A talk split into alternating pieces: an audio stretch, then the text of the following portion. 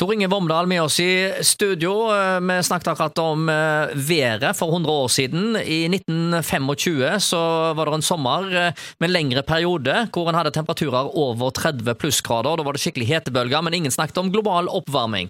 Men eh, noen år senere så var det atskillig kjøligere, forstår jeg. Så gikk vi da tre år fram i tid. Da fikk du den kaldeste sommeren. Oh, ja. Da var det, det var så kaldt at det var kun fem eh, dager som ble registrert som sommertemperaturer. Over 20 grader, ja. over 20 grader. Kun i, det, i løpet av de tre sommermånedene. Ja, ja. Det var så kaldt den sommeren at uh, ungene for første gang i Haugesund de fikk da uh, som kompensasjon for at de hadde hatt en så elendig sommerferie, så fikk de da for første gang en tre dagers uh, høstferie.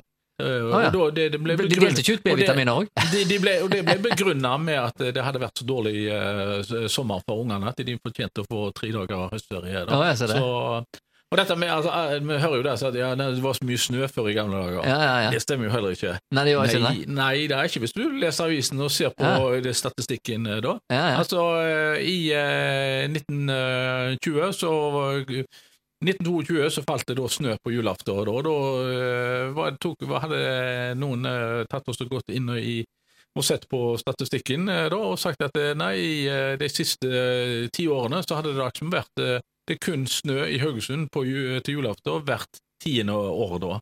Så det, det er, Og det har vi opplevd med her òg. Vi har snø av og til på julaften men det var sjelden for 100 år siden òg. Så har vi hatt den eh, nedbørsrekorden som står fremdeles, den er jo fra 20-tallet. da I løpet av seks timer så datt det ned eh, 108 millimeter eh, regn her i Haugesund. Så, altså, det bare bøtta ned eh, da, så med, og det var et, eh, seks timer med eh, torden og lyn, oh, da, så folk trodde det var dommedag eh, som kom til eh, da. Vi har jo hatt eh, faktisk over byen her, så har vi hatt eh, tornado 1921. Oh, så ser kom det skypumpe eller tornado. Oh, ja. Reiv med seg sjøhus og takheller og raserte i eh, byen vår. da. Så vi har hatt eh, mye dårlig vær i, eh, i gamle dager. eh, Ja, altså Vi har jo hatt eh, en periode for noen år siden da, hvor eh, eh, det var noen eh, stormer eh, eh, rundt juletider og litt eh, tidlig ute på, på, på året, og flere år på rad faktisk, at vi hadde en del sånne værfenomener. Så det går vel kanskje i rykk og napp, det òg, da? Ja, det går i rykk og napp, da. Noe de fikk eh, på 1920-tallet som har- med vær å gjøre, det var altså tåke. Hau- Haugesund eh, er plaget med tåke, da. Vi Mm. ligger nærme havet og sånt. da. Ja, ja. Og eh, den gangen så hadde jo ikke kysttrafikken eh, eller skipene radar eh, og sånt. så Brukte tåkelur? De brukte, altså, ja, de, de, Til å begynne med så bruker de jo fløyter, da, for oss, de, de slo jo ned farten, og så signaliserte de den fløyta. Men så får vi jo da 1920 så får vi denne tåkeluren uh, ut på hvalen, Kvalen, da. Men den var jo så høy at du, høre, du skulle høre den både ute på Føyna, ute på Røver og inne i Haugesund samtidig.